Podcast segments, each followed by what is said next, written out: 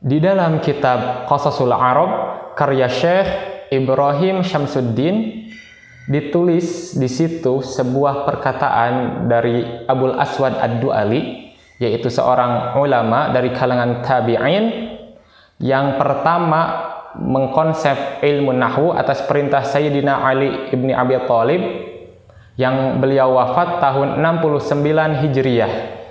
Beliau berkata kepada anak-anaknya, qad ahsantu ilaikum sigharan wa kibaran wa qabla an tuladu.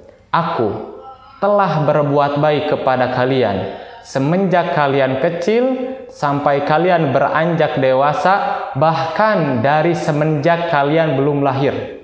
Maka anak-anaknya bertanya wa kaifa ahsanta ilaina qabla an nulad? Bagaimana caranya engkau wahai bapakku berbuat kepada kami kebaikan sedangkan kami belum lahir. Maka beliau menjawab ikhtartu lakum minal ummahat man la tusabbuna biha. Aku telah memilihkan bagi kalian seorang ibu yang kalian tidak tercela karenanya. Maka di sini Abul Aswad Ad-Du'ali tidak sedang mengucapkan atau memberitahukan jasa-jasanya kepada anak-anaknya, tidak pula sedang menyombongkan diri di hadapan anak-anaknya bahwa dia telah berbuat baik, tapi di sini Abul Aswad Ad-Du'ali sedang mengajari anak-anaknya kapan dia memulai pendidikan untuk anak-anaknya. Maka jika kita memulai pendidikan untuk anak-anak kita pas dia setelah lahir, maka itu sangat terlambat sekali. Maka kita seharusnya memulai pendidikan bagi anak-anak kita semenjak dari kita memilihkan untuk mereka ibu mereka.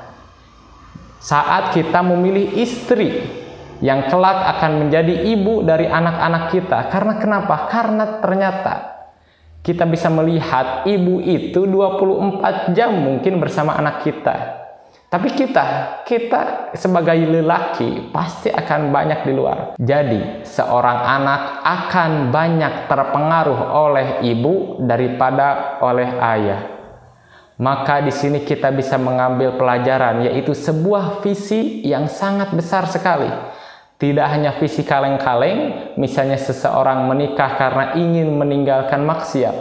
Saya ingin menikah karena saya tidak mau bermaksiat Oke, itu adalah tujuan yang sangat mulia sekali menghindari maksiat.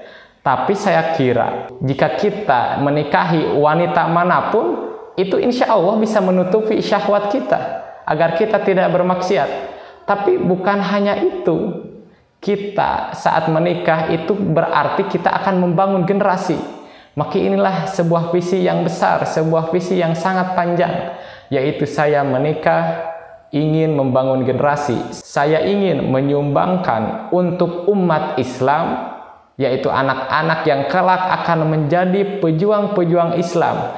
Yang insya Allah jika saya mati, anak-anak saya akan melanjutkan amal saya di dunia sehingga pahala saya tidak terputus. Maka inilah inti yang bisa saya ambil dari ngaji jomblo yang disampaikan oleh Ustadz Felix Xiao maka saya mengucapkan jazakallahu khairan barakallahu li walakum